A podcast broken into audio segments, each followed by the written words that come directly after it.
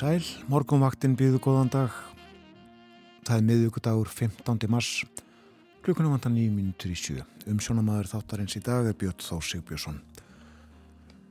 Við hugum að veðrinu, tölum um kuldan, tveggjast af að frosttölur víða um land. Til dæmis í Reykjavík 11 steg af frost í höfuborginni fyrir tæpri klukkustund. Hægur vindur, tveir metrar, suðaustanátt. Fór í fjóra metra í mestu kviðu. Eins og segir hér í skýringum á aðtögunakortinu hjá viðstóðu Íslands 13 steg af frost á Kvaneri. Hægur vindur. 8 steg af frost í Stikisólmi, heiðskýrt þar. Norðustan 6. 11 steg af frost á Patrísfyrði, austan 3. 8 steg af frost í Bólungavík, austan 4 þar. 8 steg af frost á Hólmavík, 6 metrar norðanátt tíu stiga frost á blöndu ósi, hægur vindur, áttastiga frost við söðunisvita, norðustan 6, tólstiga frost á Akureyri, lítilsáta snjókoma, nánast lokn. Áttastiga frost á Húsavík, nýju stiga frost á Rauvarhöfn, norðvestan 7 metrar þar, 16 stiga frost á Grímstöðum, 10 stiga frost á Skeltingstöðum, 13 steg af frost á eilstöðum skíjað, austan 2 9 steg af frost bæði á höfni Hortnafyrði og á Kvískerjum. 12 metrar á Kvískerjum norðanátt. 9 steg af frost líka á Kirkjubæðaklaustri hægur vindur þar.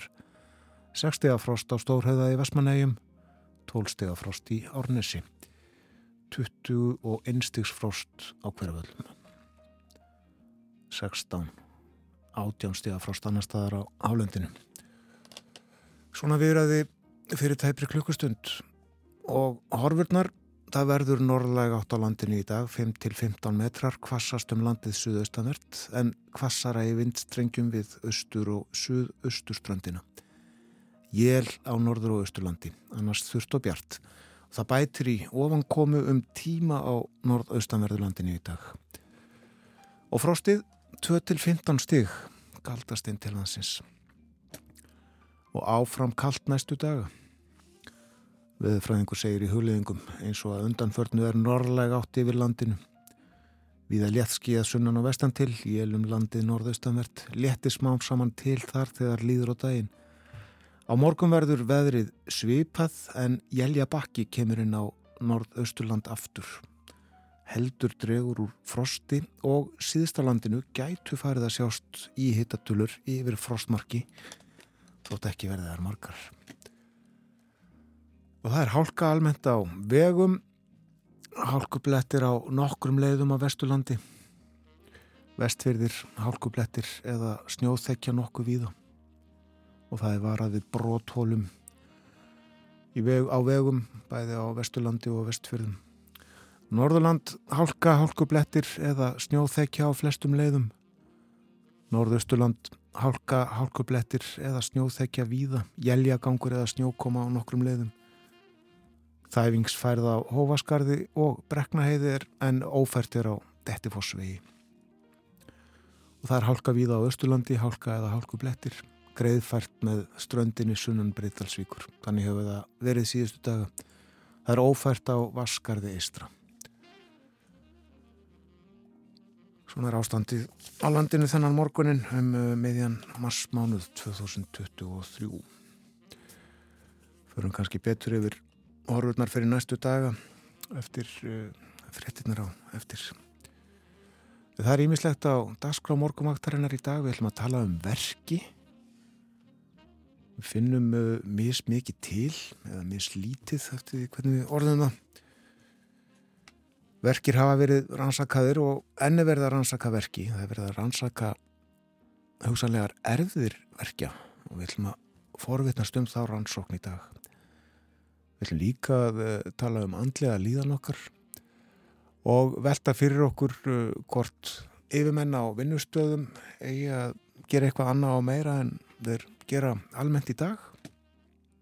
Bærðum ég að skilda til þess, við veltum því fyrir okkur og svo verður Borgþór Argrímsson með okkur á morgunvaktinni hér eftir eh, morgun frettinnar klukkan átta fjallar um dönsk málefni. Það sem er efstabau í Danmörku. Nú eftir fréttinnar uh, þá lítum við í blöðin og uh, skoðum eitthvað gamalt líka. Ég með þér uh, gamalt neytendablað meira en það á eftir. Og við leikum auðvitað líka svo letla tónlist og hlustu nú á Buddy Holly, hann syngur um ástina, hvað annað It's so easy to fall in love. It's so easy to fall in love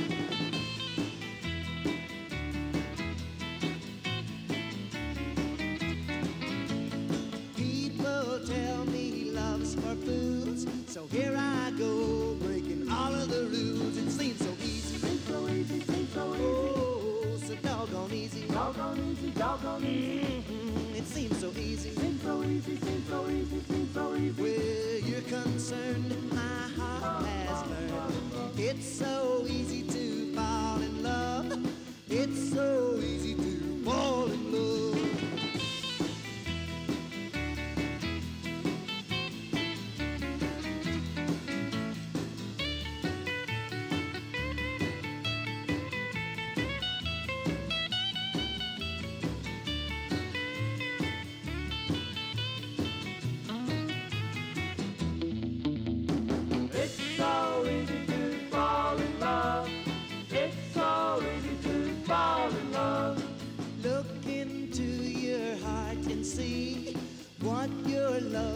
set apart for me. It seems so easy. So easy, so easy. Oh, so doggone easy. Doggone easy, doggone easy. Mm-hmm. It seems so easy. Seems so easy,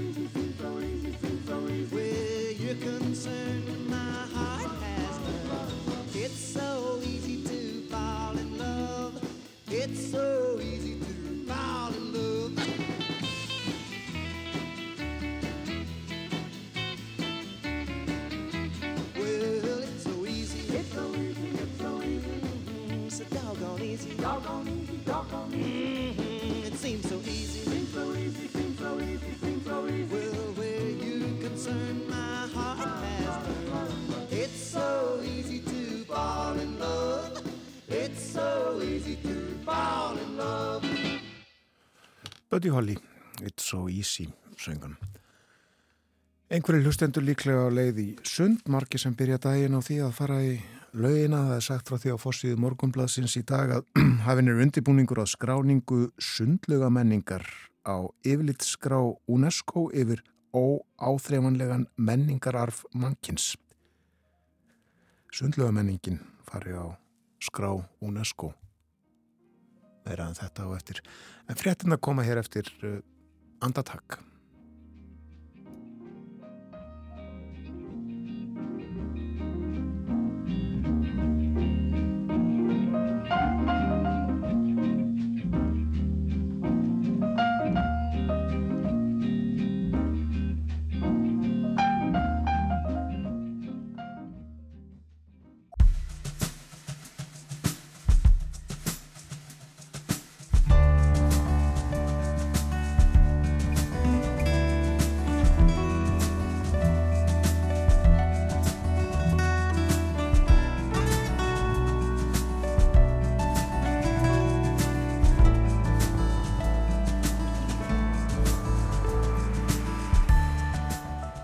Morgumvaktin helsar og býðu góðan dag. Það er miðvíkudagur 15. mars. Björn Þó Sigbjörnsson heiti ég og hef umsjón með þættinum. Í dag fjöllum við um verki. Öll finnum við einhver tíman verki líkamannum.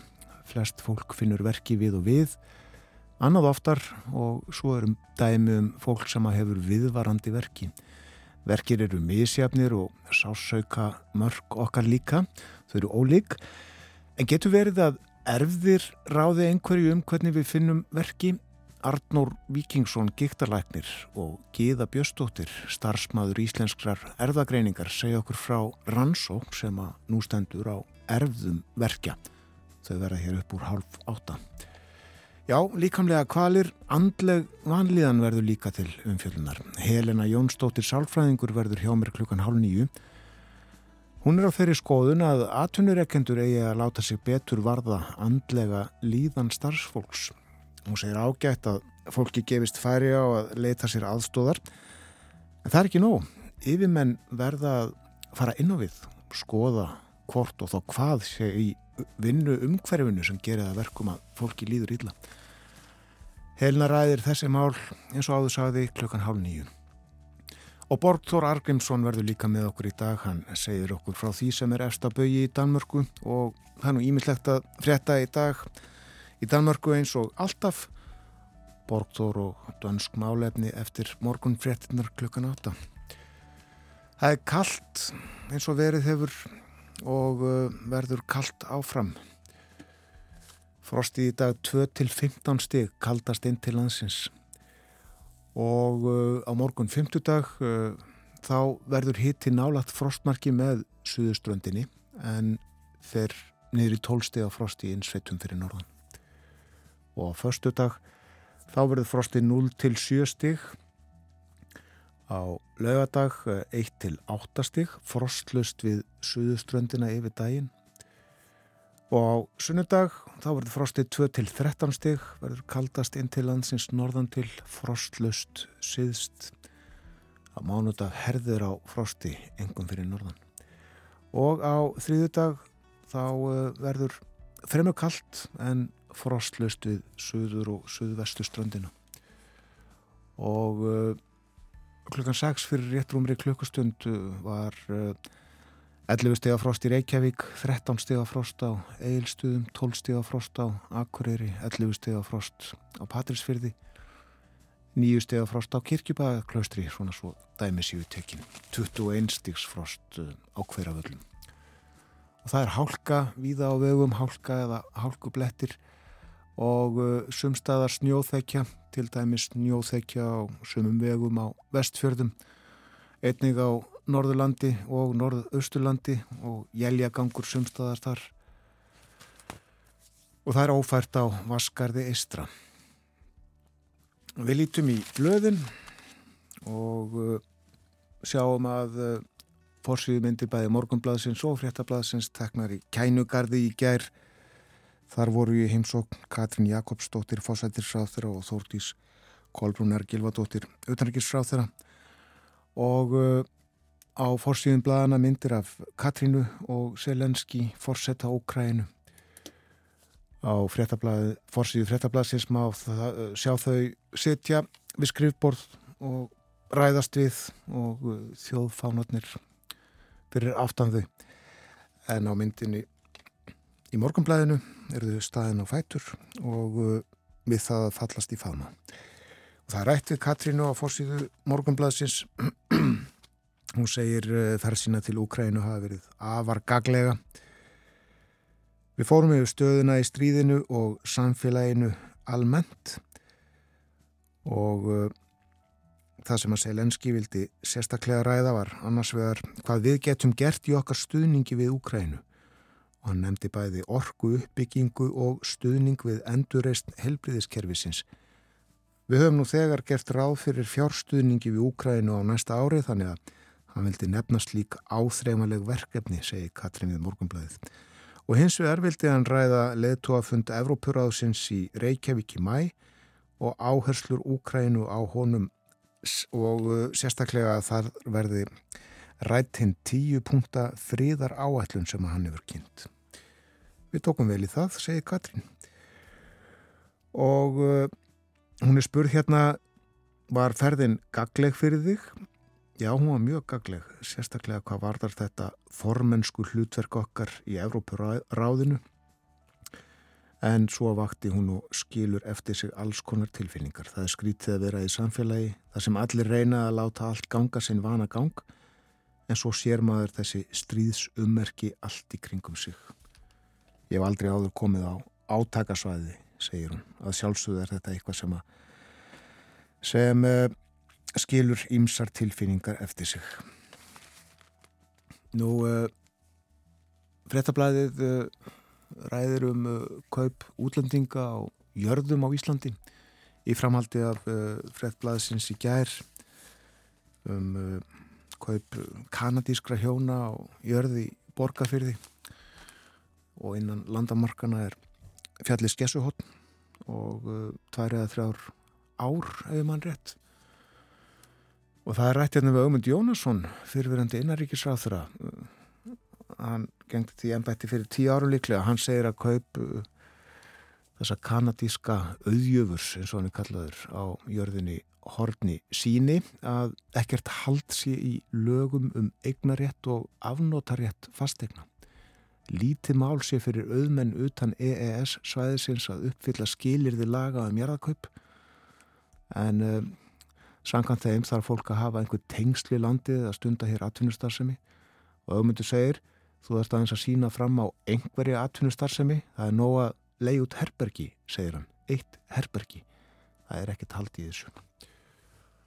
Það er rætt hérna líka við Sveinbjörn Haldursson, hann er formaður samtaka útivistafélaga, hann segir félagið ekki sátt við að veri sig að selja jarðir til erlendra auðkýfinga.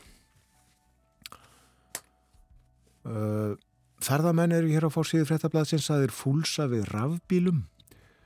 Rættið fórstjóra BL sem að segja bílalegu bíla flesta knúna bensíni eða dísilolíu, þar sem ferðamenn kjósi þá fram yfir ramarsbíla. En aftur að morgunblæðinu og já, mál tengt ferðamönnum, áformaður að stækka keflaðugur flugull um á fjórða 100.000 fermetra eða sem nefnur ríflega fimmföldum grunnfleti smáralindar. Þetta má, segir hér, lesa úr skíslu FSO vegna umhverfismat fyrirhugara framkvæmda viðbætur á við fimm smáralindir, það er ekkert annað. En svo er það sundlögamenningin sem ég nefndi hér á þann. Það er hafinn undibúningur að skráningu sundlögarmenningar á yfirlitskrá UNESCO yfir óáþreifanlegan menningararf mannkins. Og reyndar ekki bara sundlögamenningar heldur líka laugabröðskerðar. Og það er rætt við Lilju Alfredsdóttur menningar á þeirra í blæðinu Sundlegamenningin hefur verið samgróin íslenskri þjóðasál um margar aldir og hefur sjaldan verið jafnblómlu og nú. Ófá þjóðþrifa mál eru rætt í lögum landsins, er haft eftir henni hér í morgunblæðinu. Og það er árnastofnum sem að uh, vannaði undibúningi að skráningu þessa fyrir stjórnvöld. Og í skýslu stofnunarinnar uh, segir meðal annars að uh, sundlögamenning landsins sé einstök og ekki ósvipu sánamenningu finna sem þegar er á skrá UNESCO yfir og áþreifanlegan menningararf. Fjalla líka um lögabröðskerðina þetta er skemmtilegt og réttir í blá lokina leikskólamálunum en eh, oddviti sjálfstæðisflokksins í borgarstjórn Reykjavíkur Hildur Björstóttir hefur óskað eftir því að staða leikskólamála verði sett á dagskrá fundar borgaráðs á 50 mótmæli hafi verið bóðuð fyrir fundin vegna slæmrarstöðu í leikskólamálum fyrirleikur að færri börn verða innrýttu næsta höst en gert var að fyrir. Og aðeins að uh, öðrum blöðum uh, fjallaðum brýr á Östurlandi í Östurfjett og rætt við þurriði Lili Sigradóttur sem er bæjarfulltrú í fjörðarbygg. Hún segir ég hef tekið eftir að brúin yfir sléttu á hefur látið óvenju mikið sjá á síðustu síðustu 2-3 árin og mátti nú lítið við því enda komin vel til ára sinna. En uh, hún lísti á vettvangi bæjarstjórnar þungum áhugjum af ástandi brúna yfirsléttu á, brúarinnar yfirsléttu á í, reið, í reyðafyrði og einnig stöðvar á í stöðafyrði. Þar eru einbreyðar og komnar vel til ára sinna, eru báðar á þjóðvegi eitt, á þeim eru verulegar þungatakmarkanir. Það fylgir hér mynd þessari frétt af eh, brúnni yfir sléttu á og eh, eins og segir hér í lýsingu það er ekki bara það að bundna slitlæði sér færði að gefa sig eh, við brúar endana heldur eru djúpar rásir eftir hjólfur á brúnni. Margir vegfærandur segja brúna dúa undan þingri bílum. Það er ekki góð tilfinning. Og Vikublaðið sem er gefið út á Akureyri laurgluna og Akureyri byggla til fólks að vera nú ekki að ganga út á lagnaðar ísin sem er á potlinum. Ísin er stór hættulegur og svikull. Og farið svo illa að gangandi falli niður þá, eins og segir í tilkynningu lauruglu, það verður ekki aftur tekið. Og hér er niðurlega fréttarinnar. Eh, og það er stór hættulegt að fara út á ísin ekki láta ykkur detta það í hug segir hér að eh, öðru í dag 15. mars er alþjóðadagur neytenda og hvers vegna allir 15. mars hafi orðið fyrir valinu Jú, vegna þess að þann dag 1962 flutti John F. Kennedy bandarækjafósetti ræðu á bandarækjaþingi og lofaði neytendum fjórum grundvallaréttendum sem að síðan hafi verið kölluð grunnkröfur neytenda. Og þetta var réttur til öryggis, réttur til að vera upplýstur, réttur til að velja og réttur til að láta í sér heyra. Og mun Kennedy hafi verið fyrstur þjóðaleðtúa til að lýsa því yfir að neytendur hefðu rétt.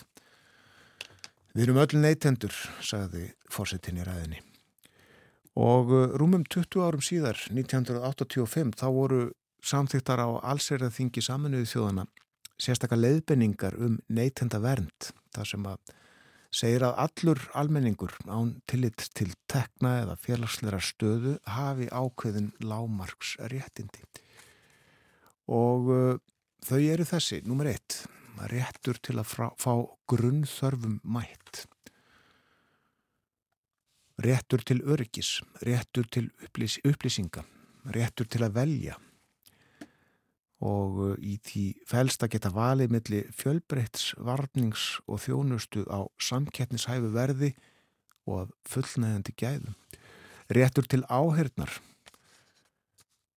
Það þýðir að uh, hagsmuna neytenda sé gætt við ákvarðanatöku hjá stjórnvöldum og við þróun á vörum og þjónustu. Réttur til úrlausnar að uh, fólk eigi rétt á sangjartri úrlustn á réttmætum kröfum sem á bótakröfum í tengslinn við kaup á ófullnægandi vörum og þjónustu. Réttur til neytenda fræðslu, það er rétt á þekkingu og færni til að geta tekið upplýstar ákvarðanir um val á vörum og þjónustu auk þess að hafa þekkingu á grundvallar réttindum og skildum neytenda. Þetta er líka fjallaðið um rétt til heilbriðs umhverfis að fá að lifa og starfa í umhverju sem að ógnar ekki velferð núlifandi nýja komandi kynnslóða. Og uh, fyrir uh, fáinum árum þá bættist enn einn krafan við uh, eða rétturinn grunnkrafa í samræmi við kröfur norræna sýstursamtaka. Þetta bættist við sem sagt hjá Íslensku neytendasamtökunum og þetta er réttur til stafrætnar neytendaverndar. Að jamt aðgengi allra sér tryggt að öryggi og heiðaleiki ráði ferði stafrænum vörum og þjónustu og að neytendur geti gert sér fulla grein fyrir öllum skilmálum. Alþjóðadagur neytendaréttar í dag. Og uh, þessar kröfur og upplýsingar um þær má finna á heimasíðu neytendarsamtökana. Neytendarsamtökin sjálf íslensku eiga svo afmæli í næstu viku stór afmæli Þann 23. mars verða 70 ár liðin frá stofnuðira.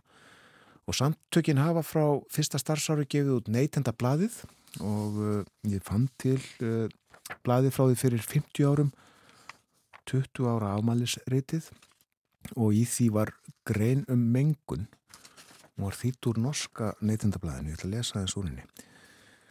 Baráttan fyrir reynu andrumslofti og óspiltri náttúru hefst á heimilunum.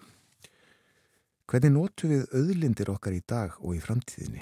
Umhverfismál er ekki engöngu vandamál sérfræðinga heldur okkar allra.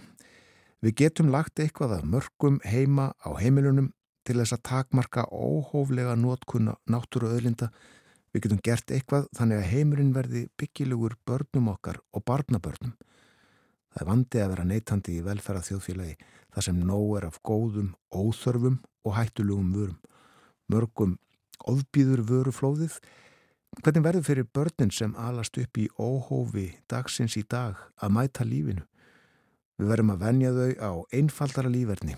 Við verðum að leytast við að vera þeim góðar fyrirmyndir. Og við verðum að leggja orði í belg þegar verður að ræða um framleiðslu, rannsóknir og lagasetningu. Svona að skrifa í norska neytendablaðið fyrir 51 ári og þetta var þýtt og byrt í neytendablaðinu 1973. Einu sinni heldur við að ynaða þjóðfélagið er þið sífælti ríkara og ríkara að vélar myndu endalust framlega meira magn og betri vöru að allir, þar að segja við duglega fólkið í vestrænum yðnaðar þjóðfélagum myndu fá aukinn frítíma og þægilegra líf. En nú vitum við að náttúru öðlindir heimsins eru að verða upp urnar að orkan er ekki nægileg, að miljóni svelta og þarnast matar, að eiturefni og úrgangur og ofmikill ágangur eigðilegur náttúruna. Grein um mengun norsk í neytendablaðinu íslenska 1973. Nú vitum við að náttúru öðlindir heimsins eru að verða upp urnar að orkan er ekki nægileg og svo framvegis og svo framvegs. Segjum þetta gott af töluðu máli og hlustum á lag eftir þá Garsvinbræður, George og Æra. Það heitir The Man I Love. Var samið á þriði áratug síðustu aldar fyrir rétt tæpum hundra árum. Marki listamenn hafa fluttaði gegnum árin. Ég nefni Billie Holiday, Ellu Fitzgerald, Veronikku Swift og Kristjónu Stefánsdóttur. Nat King Cole hljóðritaði á sínum tíma og uh, hér fylgir notalegt snark hljóðfara leik þeirra Nats á pianoið, Lestes Young á tenorsaxofón og Buddy Ritz á trómunar. The Man I Love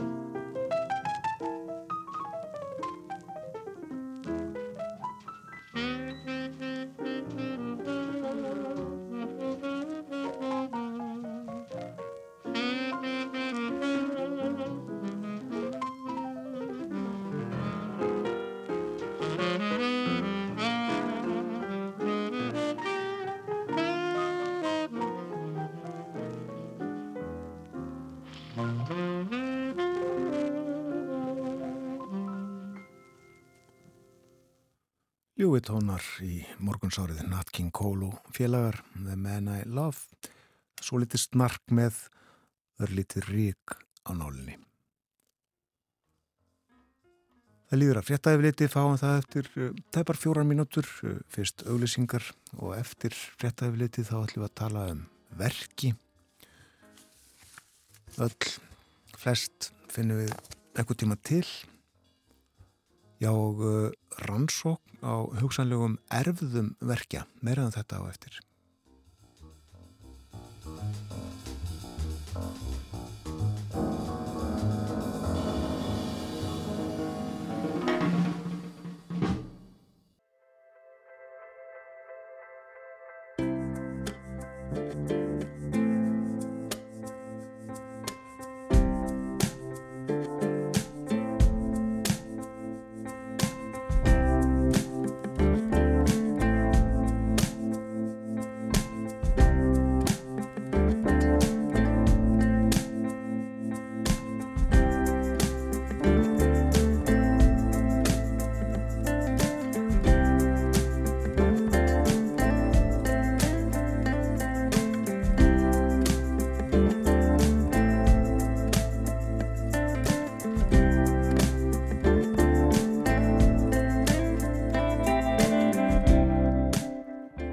Aftur þér að hlusta á morgunvaktina á Rás 1.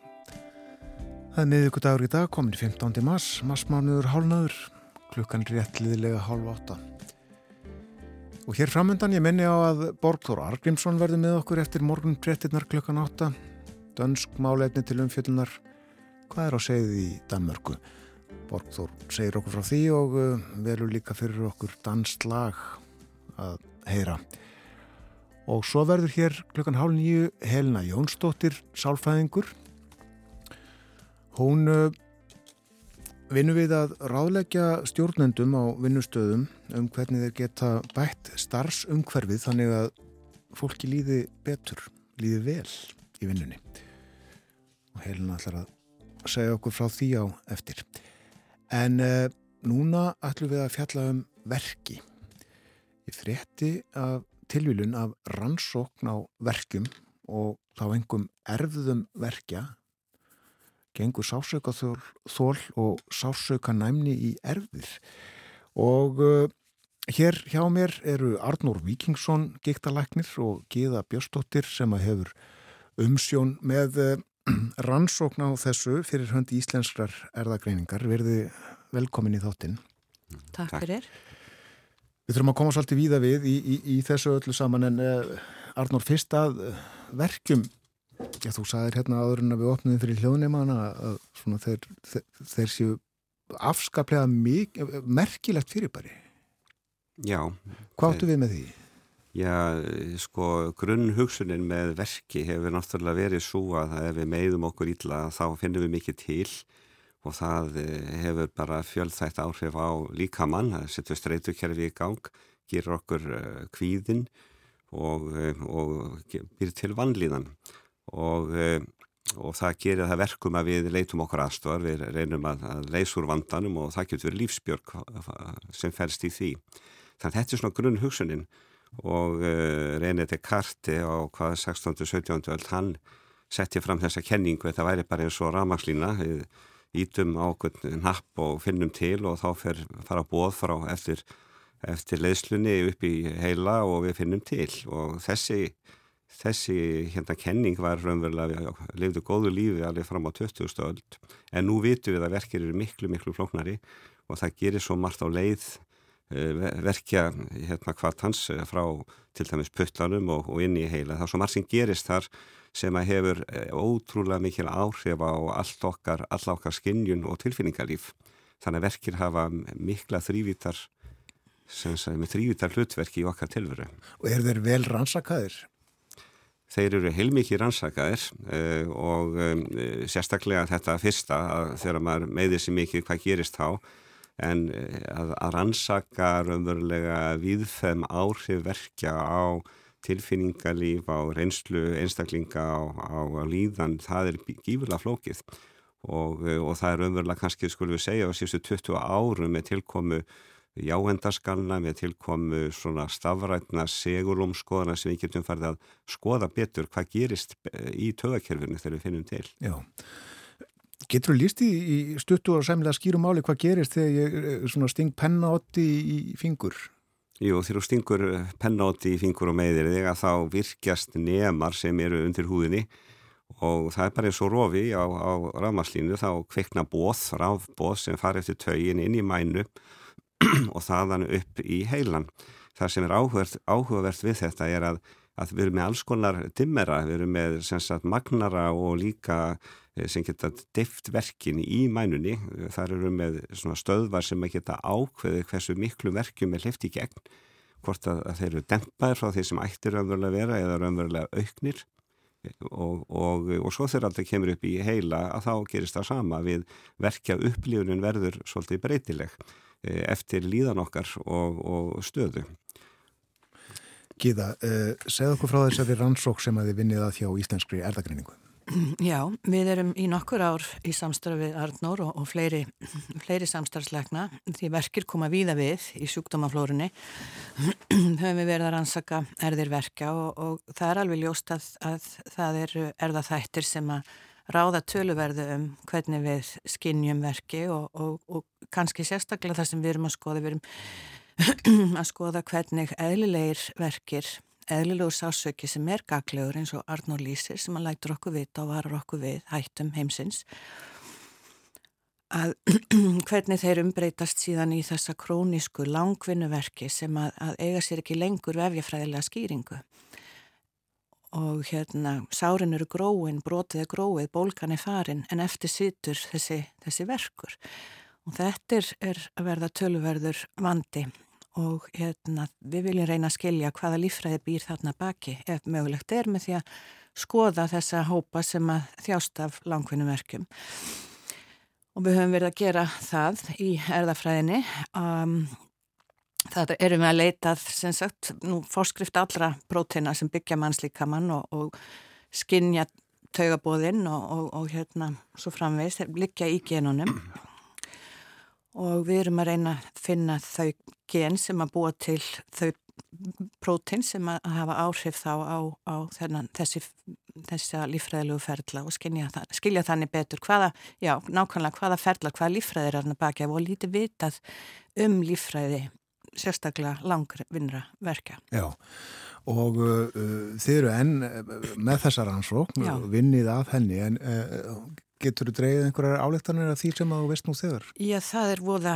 erfitt að segja til um þetta en þá. Það er mjög, þetta er mjög flókiverkefni og hluta því sem þú nefnir er akkurat að fara að grunninum að því að reyna að skilja munin á einstaklingu með tilliti til þess bara hvernig við grunnin upplifum sásöka og þú komst hann inn á, á sásöka næmis og sásöka þólsmælingarna sem við erum að, að að leiða upp í þjónustumiðstur ansóknarverkefna sem að sér um allar okkar svona klínisku, allt okkar klíniska verkefni í erðaransóknunum og hérna þar erum við að reyna að skoða þennan breytileika sem er bara á milli fólks í samfélaginu á því hvernig við reynilega upplifum svona einföld áreiti eins og kulda og þrýsting meira en aðsaknuna eftir en uh, Arnó, það er auðvitað stór merkilegt að við finnum mis, uh, mikið eða lit, lítið til.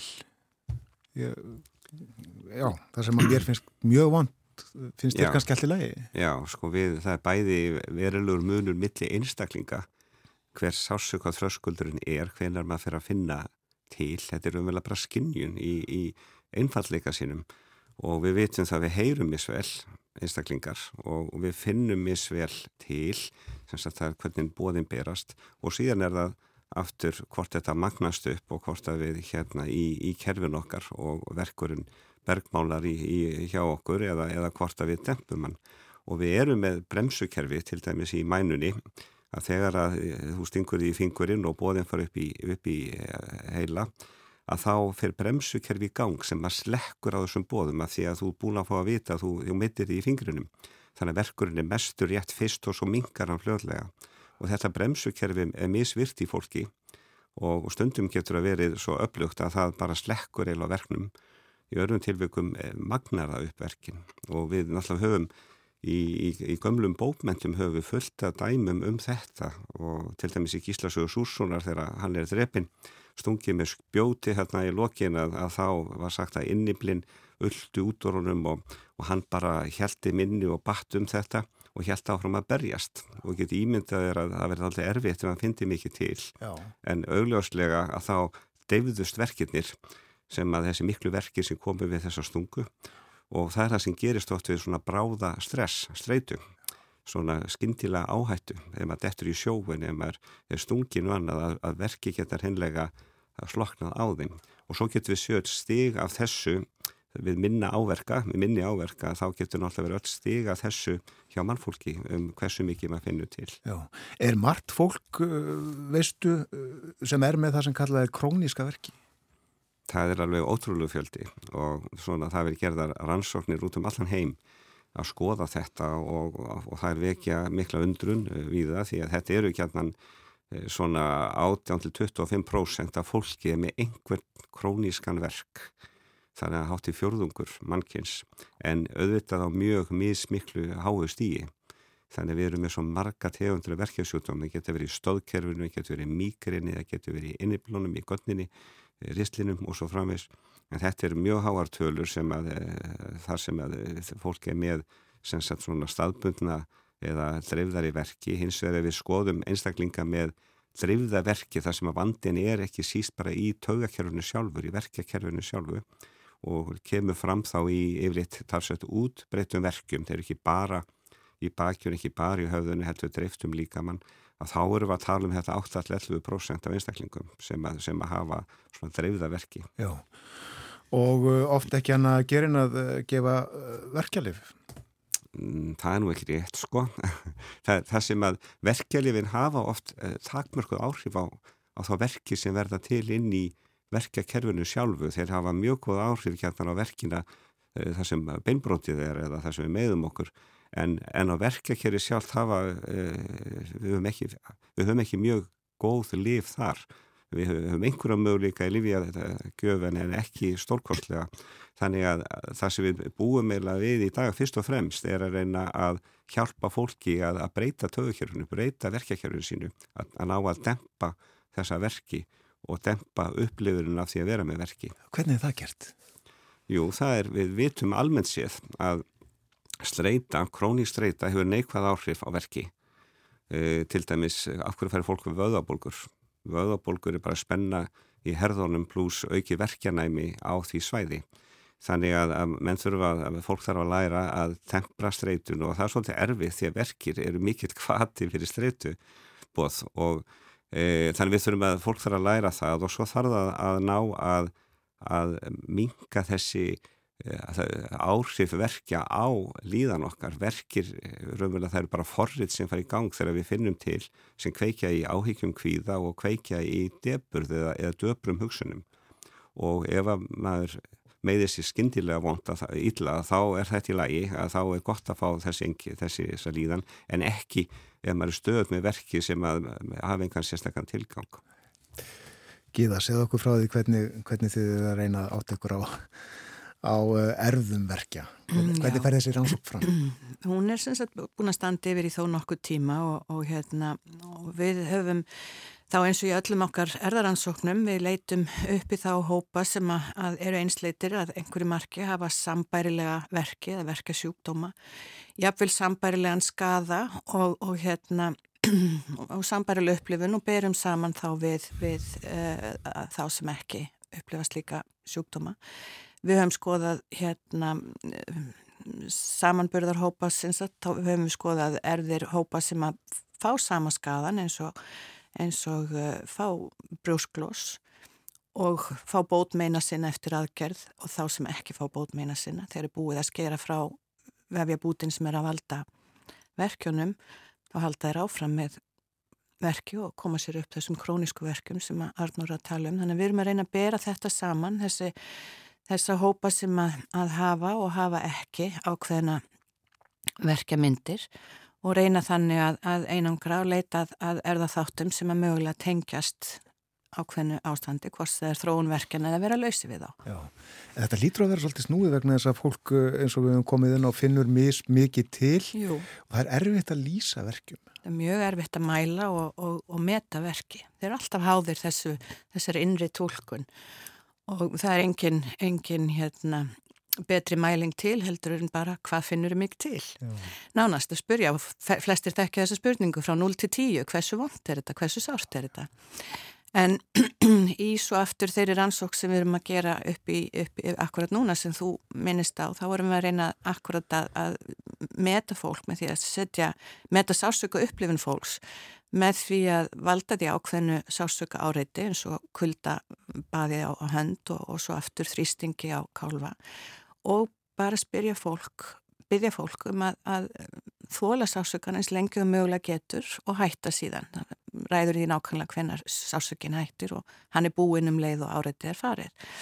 Og þarna sjáum við heilmikinn breytileika eins og, og Arnó nefni á milli fólks í þessari grunn sásöku upplifun og með því að skoða er þeir þá fólks sem að, að hefur mikla eða minni sásöku upplifun í þessum aðstæðum erum við þá að vona að við komst aðeins nær lífræðinni í því hvað, hvað eh, tengist Já.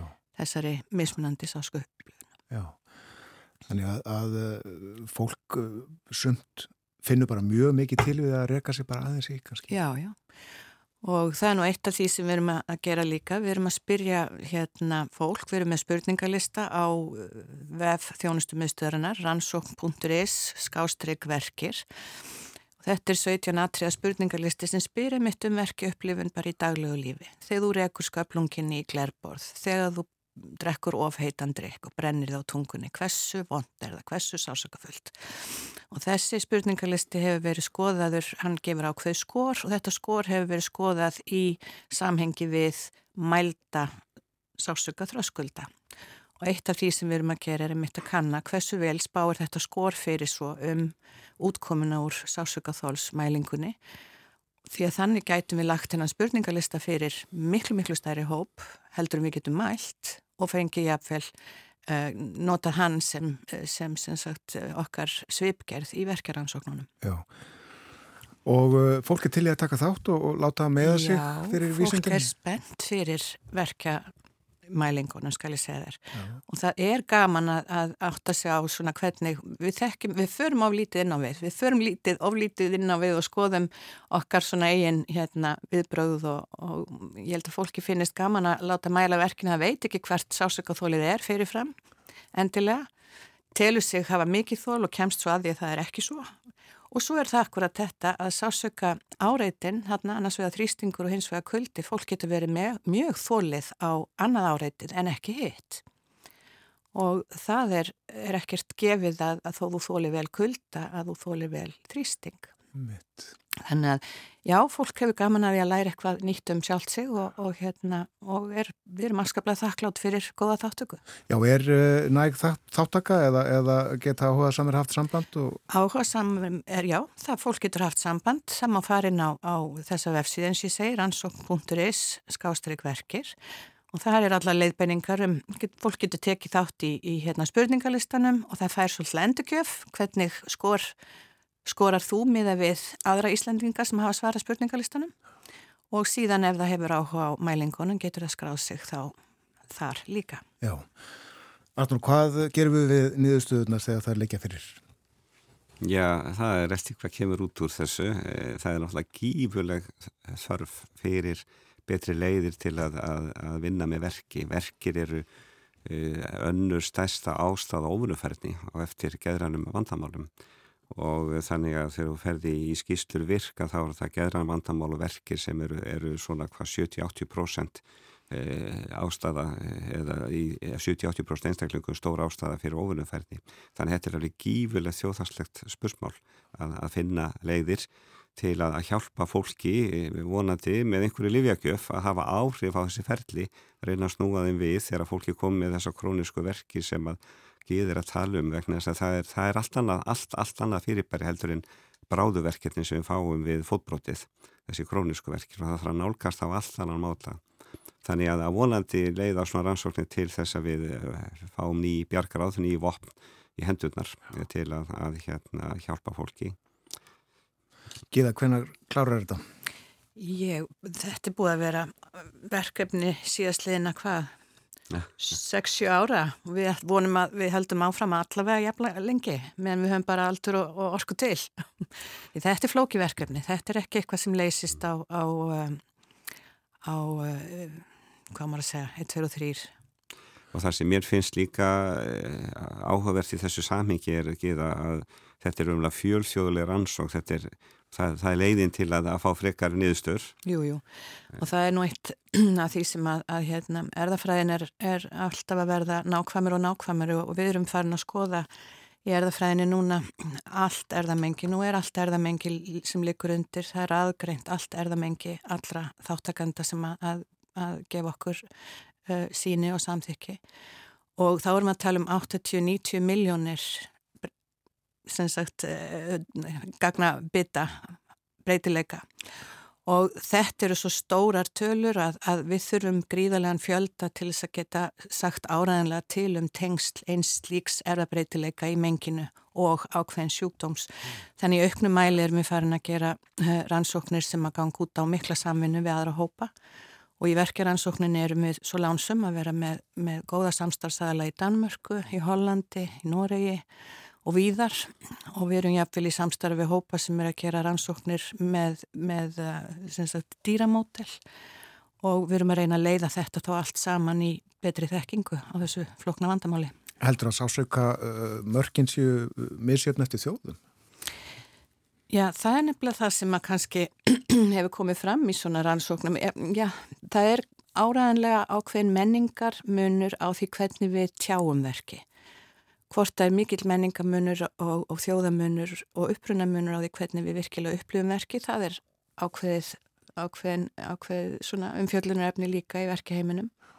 Já, ég svo sem hef ekki alveg svar við því, ég held að það sem við vitum samt að, að það er breytileiki millir kynja og eftir aldri um, um verkja skinnjun og verkja sagt, eh, upplifun. Segðu okkur hans meira frá því?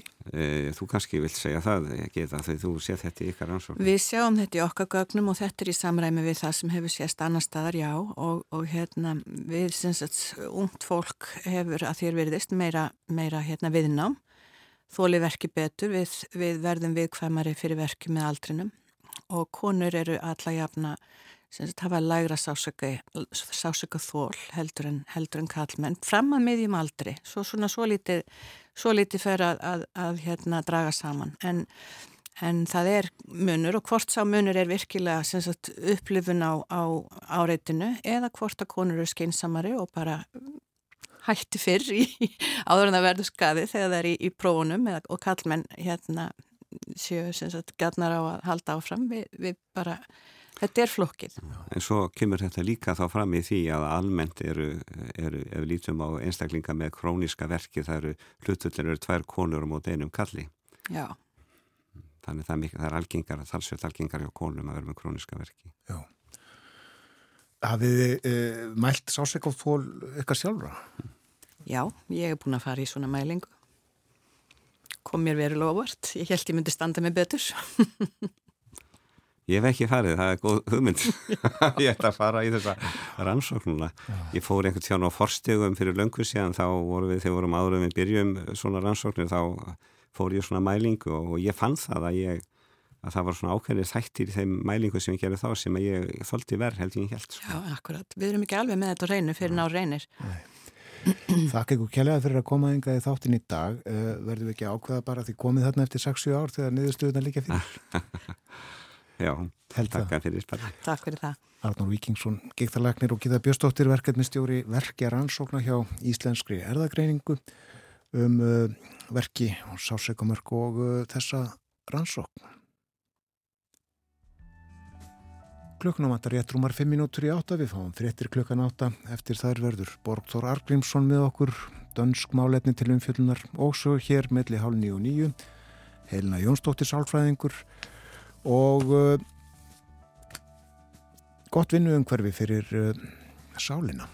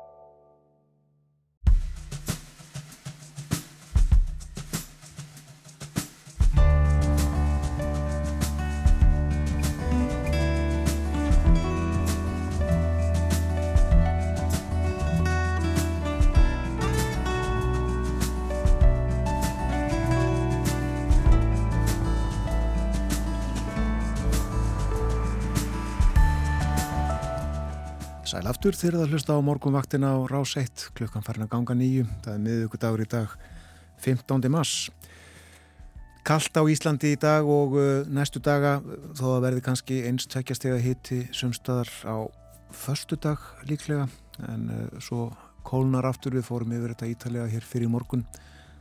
Það verður hins vegar 60 hitti í Köpunahöfn í dag þegar hlýjast verður. Tvær gráður akkurat núna en hlínar eftir því sem líður á daginn og uh, við ætlum einmitt til Kaupmannahafnar svona í huganum. Borgþór Argrímsson er komin í þáttinn. Góðan dag, velkomin Já, góðan dag. Jæja, við erum með uh, dagskrá í handriti, hvað er það að byrja? E, er ekki rétt að uh, við byrjum aðeins á því að tala um Stúri beðidag eða Kongsbænadag Já. Því að við rættum það nú hérna áður og núna hefur þetta mál sko verið afgriðt í þinginu, það var kosið um þetta 28. februar og eins og vita var þá samþykti meiri hluti þingmanna þetta að fella niður þennan frídag sem verið hefur árum og, og, og já má segja árhundruðum saman og eh, sérstaklega næsta ári þá fækkar frídögum dana um einn. Og þetta uh, var í stjórnarsáttmálanum? Já, þetta var í stjórnarsáttmálanum mm. Og stóri beðidag eða kongsbænadagur hann hefur verið fjórði förstudagur eftir páska og verður núna sem sagt í síðast sinn 5. mæ. Meiri hluti þjóðarinn mjög ansnúið þessu, líka atvinnureikendur sem kom nút aldrei óvart en dagurinn hefur verið vinsæl til ferminga og nú verða menn að finna ykkur aðra lausnir í því en þó að þingið hafa nú ákveðið að fella niður þennan frídag til að abla aukina tekna þá er nú ekki öll sagansög því að yfirvöldi í einstakun sveitafélugum þau geta náttúrulega ákveðið að þetta veri frídagur hjá þeim Já. og af því að það er svona mikil andstaða við þessa ákvörðustjórnarinnar þá náttúrulega rögu bæjastjórnir sem staðar upp til hand og fóta meðlans í Kaupanöf þar sem að meiri hluti er fyrir því að þessi dagur, fjóruði förstu dagur eftir porska, hann verði frídagur hjá starfsfólki borgarinnar og svo á mannu eftir að sjá hvort að þetta gengur eftir en þá verður það nú svolítið skrítið því þá verður það sko sumir í fríi þennan dag og, og, og aðrir ekki. Akkurat. En þetta er sem sagt, uh, það er sem sagt búið að koma þessi í gegn og hann á að falla niður frá og með næsta ári. Og þetta var sett þannig fram með það ekki að tekjurna sem áttu að skapast á þessum degi, þessum uh, nýja uh, lagbundna vinnudegi, þær áttu að renna til vartanmála. Já, það var sett þannig fram, svo var nú farið að tala aðeins um að hluti af því minnstakosti færi til varnamála þannig að maður veit nú ekkert hvernig það endar. Það er nú uh, langu tími í stjórnmálum sko. Já, já. já, en uh, þótt að þetta mál sé úr, úr sögunni í pólitíkin allavega þá er nú vendarlega ekki dúnalogn í danska þinginu? Nei, nei, það er nú alltaf margt á dagskraf þar og, og það sem mest aðtikli hefur nú kannski vakið undarförnu það eru deilur og svona átökunna nokkura flokka á þinginu sérstaklega stjórnarandstöðu flokkana. Fyrst var nú nefna eh, Die Nye Borgelíi, eins og ég kalla sig, sem var stofnaður 2015, hægri flokkur, böð fyrst fram til uh, þings 19. 2019 fekk þá fjóra þingmenn en fekk sex þingmenn núna í kostningunum síðast. En viku eftir kostningarna þá sagði nú eitt þingmaður sig úr flokknum og síðan fór eitt í viðbútar sömleið og formaðurinn og stopnandin Pernille Vermund hún lístiði nú yfir í janúar og hún myndi hætta á þingi að þessu kjörtjumabili loknu og það verður rétt að kjósa nýjan formann og það var gert.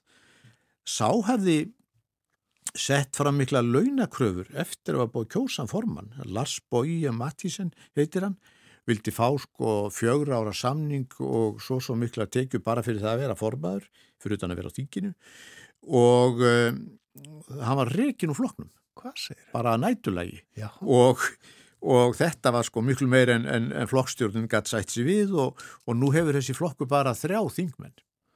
Og engan forman eða? Jú, Pernille Vermund, stofnandi flokksins, hún sá náttúrulega að þetta var allt komið í algjörð óefnu, hún tók aftur við formenskunni, eh, hvorsin náttúrulega af þessu fámennahópi og og segist nú hætt við að hætta eftir næstu kostningar. Þessi flokkur er náttúrulega hennar barndaldið og, og, og henni hefur sárna, þetta verður nú svona dett út af. Já, hvað sagður þetta? Nýje borgarlíi? Já, því nýje borgarlíi, þetta er. Það er nefnilega það. Þú sagði ráðan að, að það verður deilur og órófi innan fleiri flokka? Já, já, það, það hefur verið eh, mikil olga innan uh, Moderatenni, flokkur uh, Lars Lökke Rasmussen. Nú? Uh, meðal þeirra sem voru kjörnir á þing fyrir flokkin í kostningunum síðastlið höst var Jón Steffensen.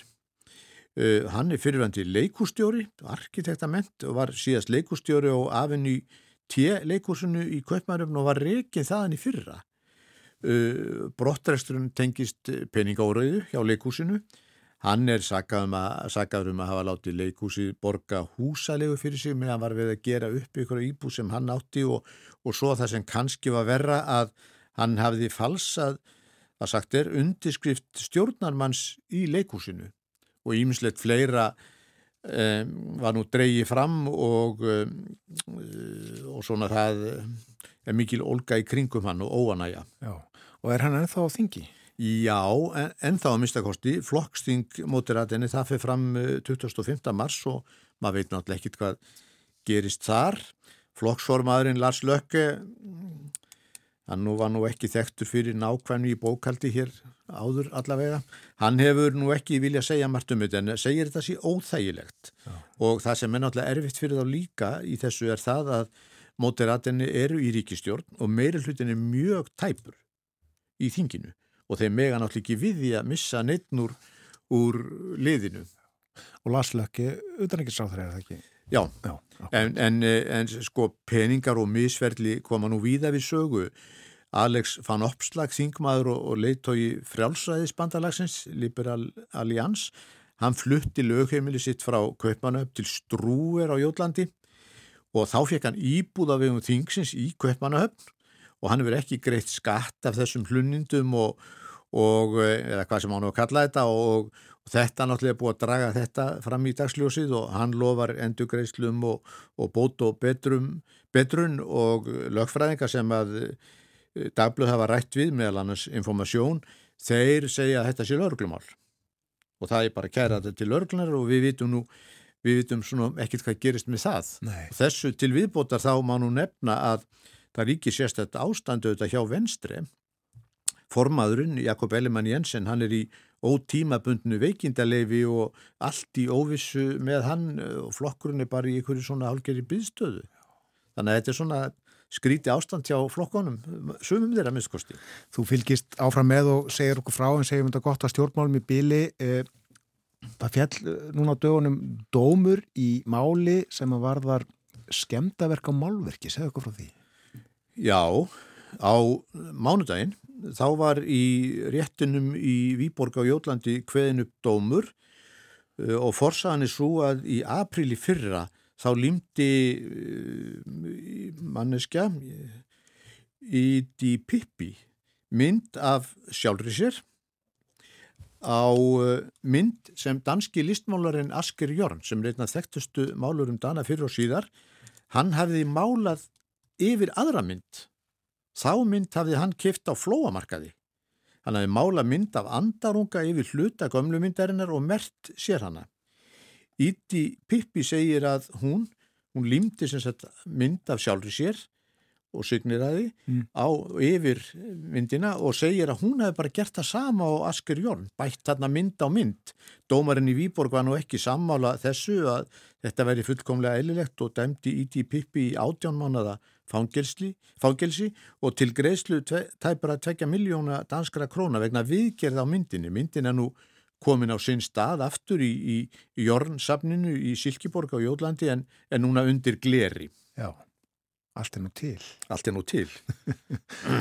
Það vil maður tala um núna... Uh... Já, mér langar aðeins hérna að nefna eitt í viðbót Íti e Pippi. Það er semst búið að dæma í fangelsi en það er spurning hvort að hún fari í kvenna eða karlafangelsi. Íti Pippi fættist nefnilega sem karl en fekk sér svo skráða sem konu en hefur ekki farið í gegnum neina svona breytingu eða, eða kynleirreitingar ferli eða hvað sem þetta nú kallað, lítur sem sagt út sem karl en er skráð sem kona og svo er náttúrulega spurningin verður hún sett í kvennafangelsi eða, eða karlafangelsi Er ekki ít í pippi bara að ráða því? Ég veit það bara ekki. Nei. en já, við ætlum að tala núna um uh, dýr, dýrategund sem við tölum nú ekki oft um svona morgni dags, við ætlum að tala um róttur og þær eru til í Kaupmannahöfni eins og annar staðar? Já, það er, og eru mikil pláa Já. í, í Kaupmannahöfn Já, eins og mjög víða. Bara pláa. Já, þær eru það. Já. Og þetta er ekki, bundið í Kaupmannahöfn, þetta er mjög mikið í Malmö og mörgum, mörgum borgum náttúrulega. Og í úrhellinu mikla sem varði í byrjun júli 2011 þegar að hluti miðborgar Kaupmannahöfna fór nú bara undir vatn, þá nú talið að um það byrjum miljón rottur hafi drefist. En e, stofnin náði sér nú fljótt á strikk eins eins og gerist með þessa dýrategund. Það hefur nú mjög margt verið gert til þess að reyna að halda rottustofninum í skefjum og uh, gengi lítið og nú ætla borgar yfirvöld að reyna nýja aðferð sem gengur út á það að blanda getnaðarvörn í mat sem rotturnar komast í. Nei, og þetta ásemst að komi í veg fyrir að þær fjölgi sér. Og það er auðvitað áhugavert að vita hvort þetta beri árangur og, og ef að svo yrði raunin þá myndu örglega margar borgir eh, nýta sér þessa aðferð því að rottugangur er víða mikið og mjög hvimlitt vandamál. Þetta er sniðut. Já, það, svo er alveg eftir að vita uh, hvernig, hvernig þetta gengur. Við vonum að það gangi vel. Já, já, við, við gerum það eftir leiðinda kvikindi náttúrulega og bera með sér sjúkdóma allan skrattan sko. Já, já, já. það varst sorgafrétt úr dýragarðinum í Kaupmannahöfnuna nýverið. Já, mm. það, það gerir það og, og það uh, mjög eilega bara sérkennlegt. Það var sem sagt ungur kvítabjörn sem að uh, braut upp einhverja, einhverja loku, hvað sem maður á að kalla það, sem hann átti ekki að geta komist í og átti ekki að geta opnað allavega. Og þar komst hann í, í rafmagskapal og beit í hann og það hljóp út einhver alveg rosaleg spenna, ég kann ekki að nefna töluna en hann alveg steindrafst bara á staðnum. Og, og hérna þetta var í fyrirtónum og, og náttúrulega allir voru leiðir yfir þessu og þetta svona eitt af því sem það gerist og það hafi ekki átt að geta gerst þá gerist það nú, gerist það nú samt.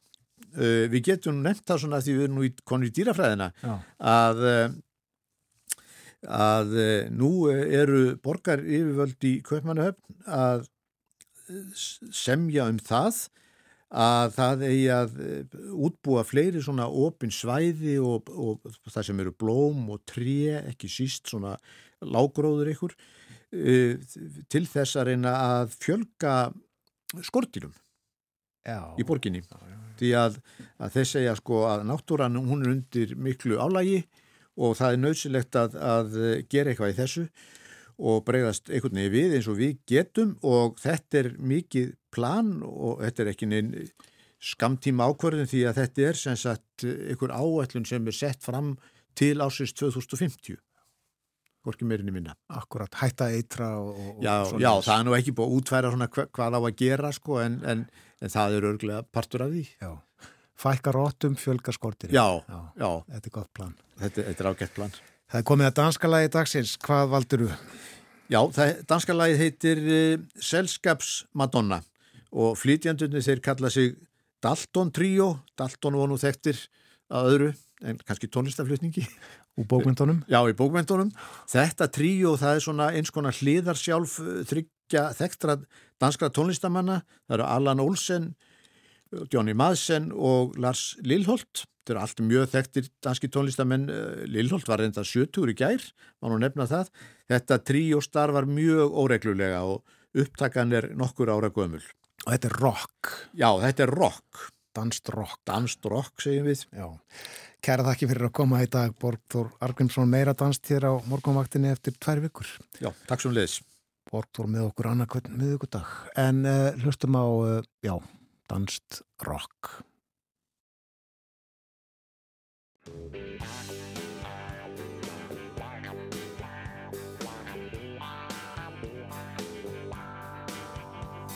Kan se hende for mig i et hemmeligt rum Hvor man gør det, som ingen snakker offentligt om.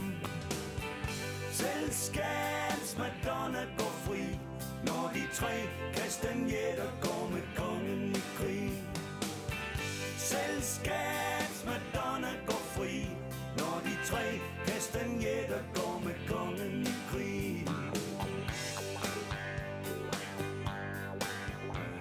kan se hendes tusind kroner smil som en løgn Som den, der lover solen, men sender regn. Selv solen kender sin plads. Når hun skærmer for solen, er hun virkelig tilfreds. Selv skats Madonna går fri Når de tre kastanjetter går med kongen i krig. Thank you som en dronning i en sømands drøm. Hun er kendt som betalingsjob for folk som ham. Selskabs Madonna går fri Når de tre kastanjetter går med kongen i krig. Selv solen kender sin plads Når hun skærmer for solen er hun virkelig tilfreds? Lad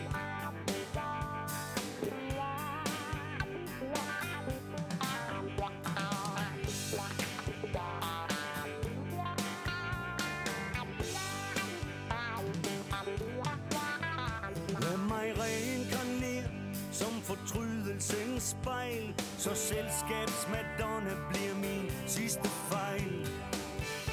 Selskabsmadonna går fri Når de tre kastanjetter går med kongen i krig. Selskabsmadonna går fri Når de tre kastanjetter går med kongen i krig.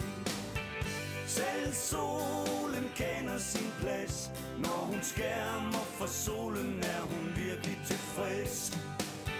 Selskabs Madonna går fri Når de tre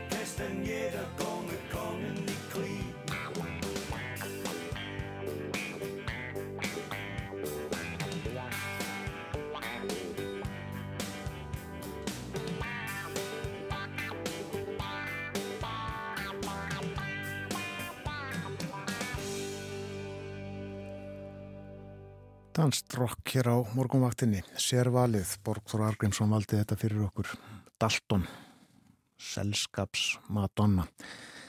Ég nefndi það fyrir spjall okkar hér áðan að núna er tveggjastega hitt í Kaupmannahöfn og hittin fer þar í 5-6 gráður í dag, eitthvað svoleiðis. En uh, í Ósló er nú 5 steg á frost og fer hlínandi verður um frostmarkið í dag þegar hlýjast verður. Það er einstigs frost í Stokkólmi og þar fer í 3 gráður eitthvað svoleiðis í dag. Í uh, Helsingi þar er hittin við frostmark og maður búast við þryggjastega hitta og uh, akkurat núna er tveggjastega hitti í Þórsöfni færiðum en hittin við frostmarki núk á Grænlandi.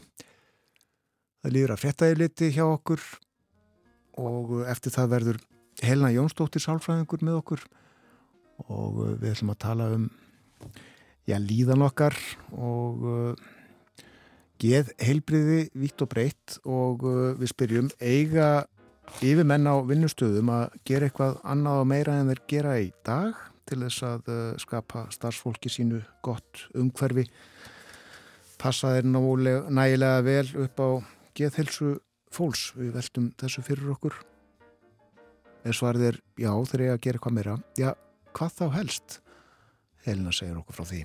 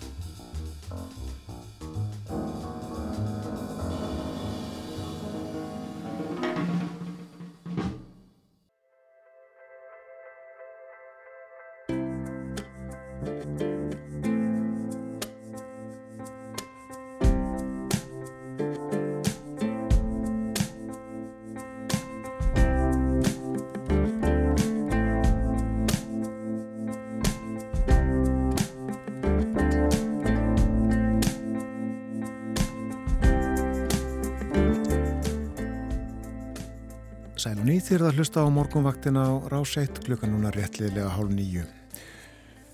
Og fyrir fólk sem var að vakna og er ekki alveg áttað, það er miðugudagur í dag komin 15. mars.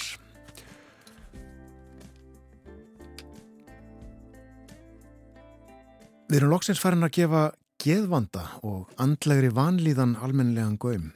Það er ekki sama feimnismálið eða hreinlega leindamálið og það var að glíma við vandamál á handlega sviðinu og þurfa að fara til sálfræðings eða geðlæknis eða gera eitthvað annað til að bæta líðan.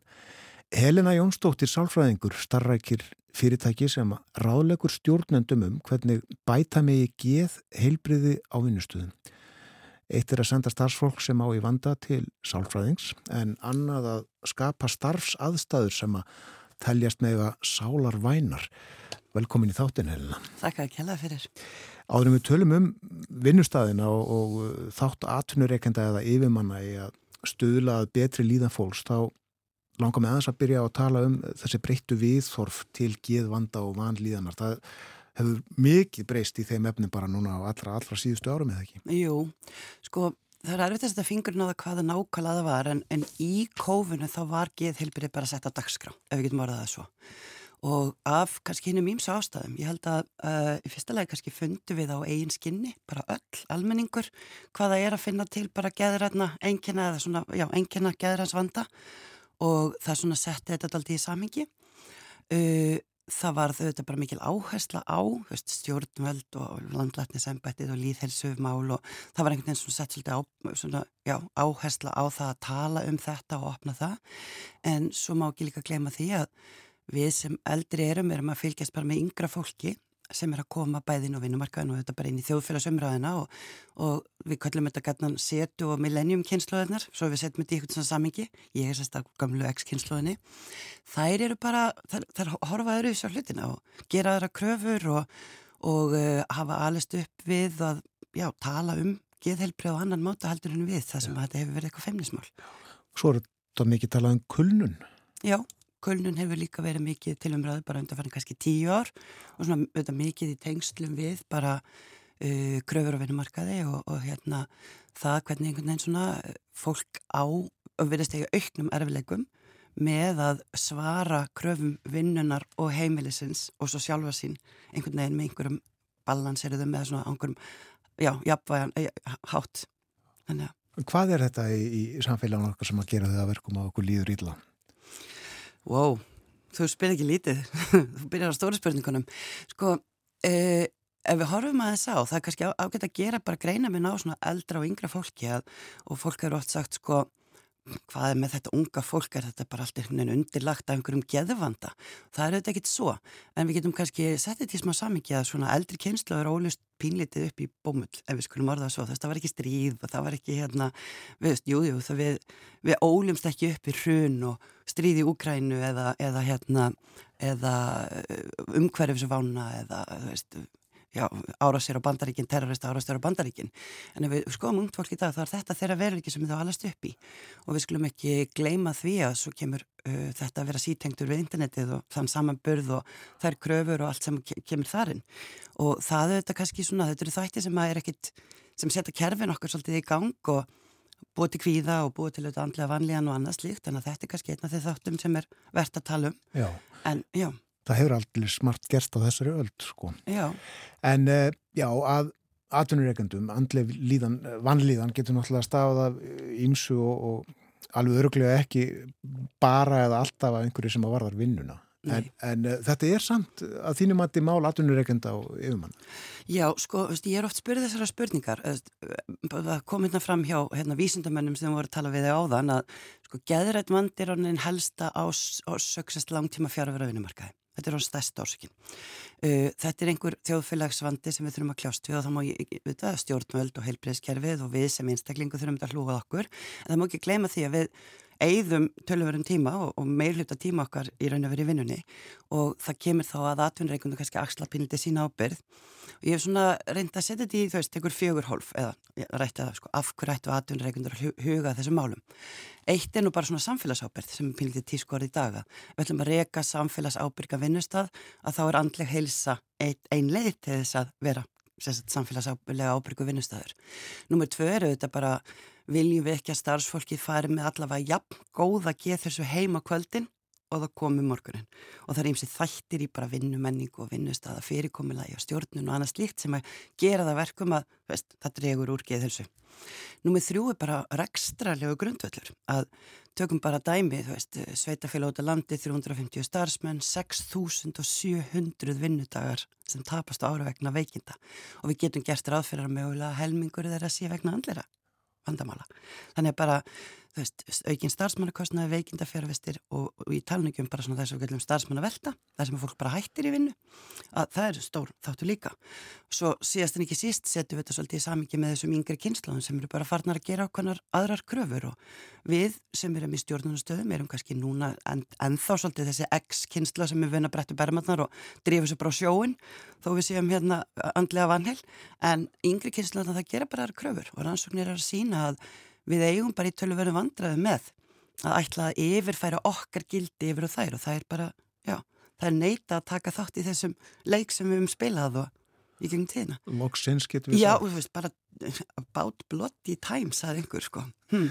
En það er þetta með peningana, sko, sumir skilja bara einhver svona fjárhagsleg viðmið mm. og, og það bara blasir við að það tapast mjög margar vinnustundir og peningar út af fjárvistum. Yes og þær eru margar tilkomið út af vantlunarveikin. Já, og það eru bara, veist, þetta er svo sem nýr bransi svolítið, það geð heilbrið á vinnustöðum og ég ætla ekki að segja að það sé til ógrinni af rannsóknar niðurstöðum sem að styðja við það sem ég er að vinna við, en þó hefur svona daldið sapnast undirverðnum árum og það er bara til rannsóknir sem að sína að fyrirtækja sem að leggja eina miljón í aðgerðir sem eru líklega til að skila árangri geta fengið það bara markvælt tilbaka og rannsóknir sína allt frá bara 5 falt upp í sko næstu í tífalt en svo er þetta hægt að fara ránga leið og vera með einhvern veginn fyrirlestur á starfsmannadegi en hann skila sér svo sem kannski í tvo daga en, en er ekki líklega til að hafa einhver languranda áhrif sko. Hvað er hægt að gera til þess að gera starfsumhverfi vætna fyrir geðið heilsunum? Sko byrjum á því bara að viðkenna að það getur verið hlutir í okkar hérna stafsumhverfi. Það er svona kannski nummer 1, 2 og 3 og það er auðvitað þess vegna sem ég sitt hér og, og viðar er einhvern veginn að reyna bara að opna auðvitað fyrir því að þetta sé þáttu sem er ekki lengur engamál stafsmannsins. Það eru til bara mjög góða rannsóknir erlendis frá og alþjóða heilbriðstofnun hefur sett fram bara svona konar leifinningar til þessum sem, sem, sem er ætlað fyrir fyrirtæki sem að vilja hlú eða huga þessum málum. Og þar eru uh, mjög mikilvægi þættir í vinnu umhverju bara eins og að vera með skýr hlutverk, uh, þjálfa stjórnendur í að sagt, hlúa þessum málum og vera alltaf meira andlegar sinnaðir, uh, vinna að bara vinnu fyrirkomulagi, sveianleiki er mjög stórt mál í hverju sem hann er falin og hvernig sem við, hann snýrað starfsfólkinu. Þannig að það eru þarna bara mjög góða leifinningar sem að ég hef tamið mér að vinna eftir og aðstöð þá fyrirtæki við að gerir hendur bara svolítið útækt hvaða þættir inn á þínu vinnustad er það sem eru líklegt til að gera það verkum að staffið þitt fer heim verður ekki þessu heldur en það komið þegar morgunin Yfirmenn þurfa þá að vera bísna vel læsir á fólki sitt. Já, það, kannski er það mitt hlutverk að eða það, það, það sem ég er að reyna að gera er að kannski aðstofa þá við að verða betur læsir. Ég segi það. Ég er að verða ansi vel læsi í þessu og, og hérna, eftir að hafa kynnt mér þessi mál og stúdira þau og það er þetta svona, við getum ekki allast til að fólk vakni bara geðlæst, þú veist, á mannana og og bara við kennum fjármála þessi að þá er þetta, þetta bara eitthvað sem við þurfum að læra svolítið um. Já. Mm.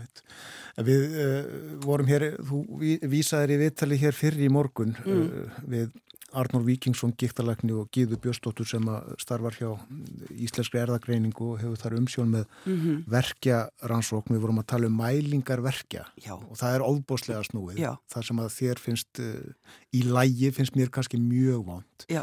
Og við upplifum þetta allt saman uh, með ólíkum hætti og erum að að gefa verkjum einhverjar engunir. Mm -hmm. Hvernig er að uh, mæla geðhilsu fólks ástand hennar. Já, sko sami vandi í raun og veru því að þetta er auðvitað huglega upplifun. Það sem að mér finnst agarlegt finnst þér í lægi og við veitum það að það er til bara ákveðna mælingar sem sína að fólk er bara mjög mismunandi hvernig það upplifir það sem við köllum andlega en sársöka uh, og það veitum við bara að það eru til, ég get sprautað adrenalíni í sama magni í fólk og fólk upplifir það sem heitir þá streytan eða við, svona lífrænu við, líffræðilegu viðbröðin við því mjög ólíkt. Það sem ætti að vera sömu viðbröð upplifir einn agalegt en meðan næsti er potlarólegur.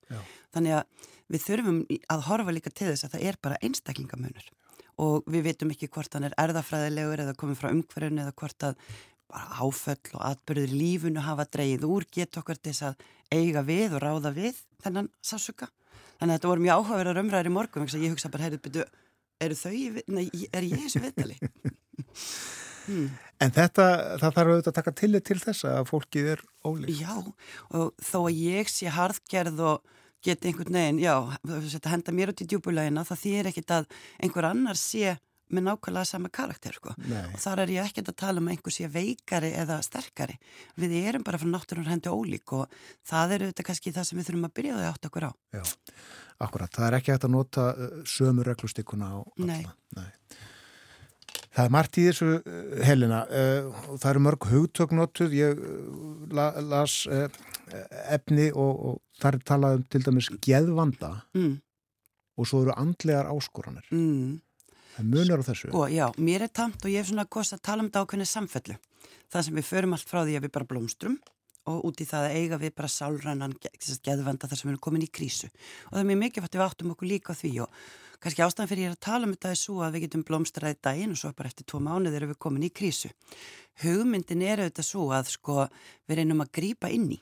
Ég sem starfsmöður, uh, þú sem stjórnandi, uh, þjóðfélagið, að við reynum að, að verða þannig læs á gæðrannan vanda að við getum grepi fólk eða ég grepi sjálf mig eða, eða þá sem í kringum mig eru áður en ég komin í krísu vegna þess að það eru minn min, minni verkjalið sko sem við þurfum að gefa á þeim tímapunkti heldur en þegar fólk er komið í krísu og við getum, auðvitað, við getum komist af mjög vel með ákveðina hérna, ákveðin enginni En ef þau eru farin að trubla daglegt líf okkar og komið vekk fyrir að við bara njótum heilbreyða lífskeiða og getum fungerið í vinnu, þá erum við komin nær krísunni. En þegar við erum komin í krísu og það er við séð bara bæði í þunglindi, fyrir fólki með þunglindi með alvarlega kviðaraskanur í talikjum, sko, það sem við kallum bara svona alvöru kulnun, þá erum við ekkit að tala um að brettu bermarnar og drífa sér fram á rúmunu, sko. Þá, þá er það orðin miklu floknari aðgerð, sko. Akkurat, akkurat. Líklega uh, er gott að, að fara í gegnum þessi mál á öllum vinnustöðum en mm. uh, sko, getur þú nefnt eitthvað svona rauðljós sem að uh, yfirvenn getur vaktað að tuga kortaði logi og, og, og sjá þá að það þarf að gera eitthvað, virkilega að gera eitthvað? Úf, þetta er sko, ég myndi segja að þetta, það er ekkert svona eitthvað eitt sem er rauðljós, nei.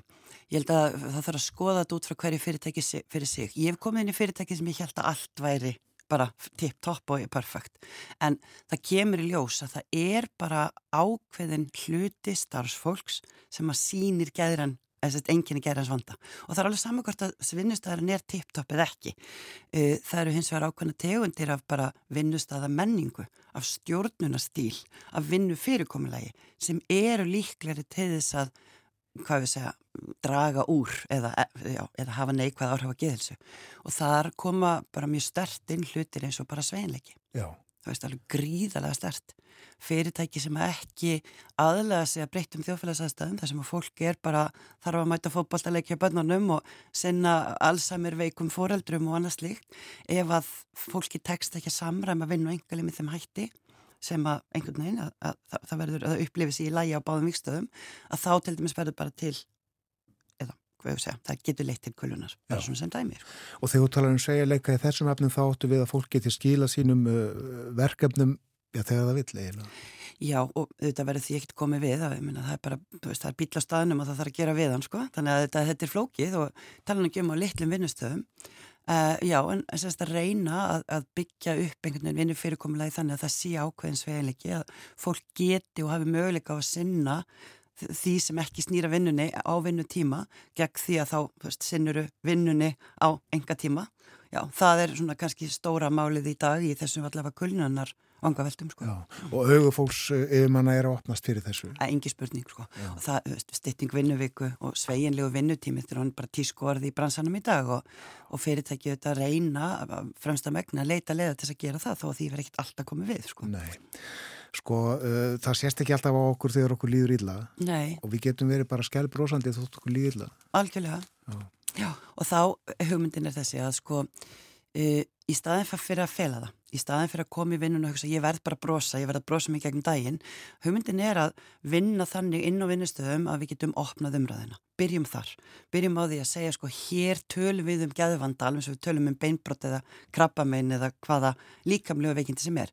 Og að við einhvern veginn gerum vinnustæðin þannig að, að stjórnendur og starfsfólk séu þannig samskiptum að okkur séu óhætt að nýppi hvort annað eða mér séu óhætt að nýppi ef mann segir ég er bara, þú veist ég finn bara ég er ekki í lægi ég þarf hérna annarkvort einhvern sveginleika eða pínu pásu eða aðeins bara að fá að vera heima í dag og ég ætla að koma aftur á morgun sko bara þó það var ekki nema bara að opna umræðina setja ekki þeilbyrði bara á dagskrá eins og beinbrott sko.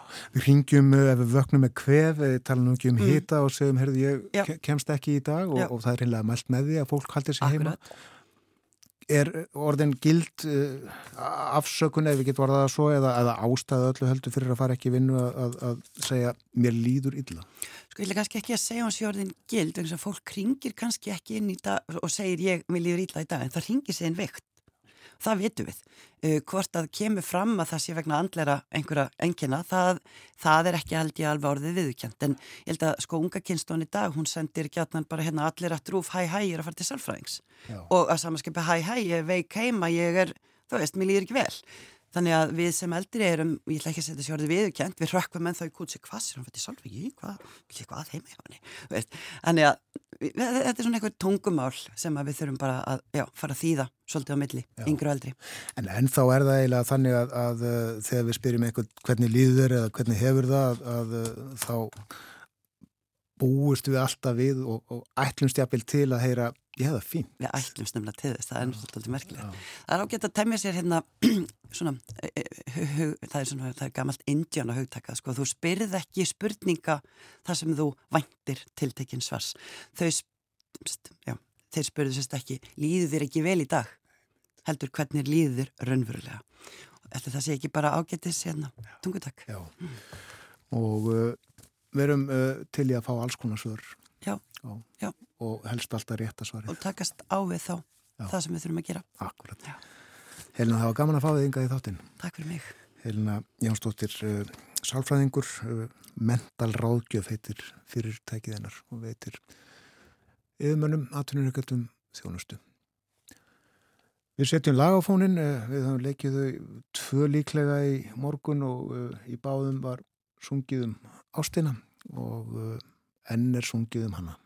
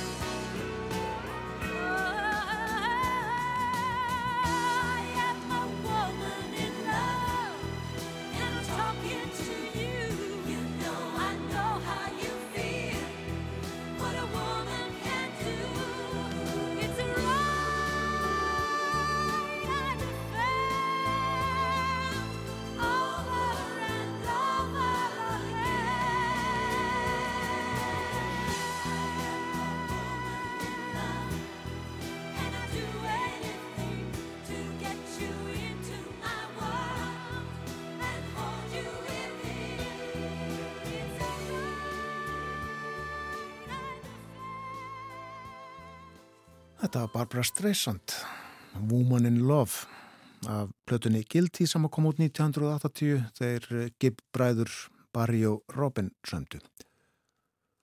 Helena Jónsdóttir Sálfræðingur haldin út í daginn, við töluðum um, um starfsumhverfi og ímislegt á vinnustöðum sem að varðar geðheilbriðið okkar líðan. Fyrir morgun töluðum um líkamlega verki sem eru merkilegt fyrirbæri. Við finnum svo mis mikið til. Það sem að einum finnst mjög vant finnst öðrum kannski bara allt í lagi. Segi nú ekki gott, en uh, allt í lagi. Bortor Argensson líka með okkur í dag, dönsku málefnin.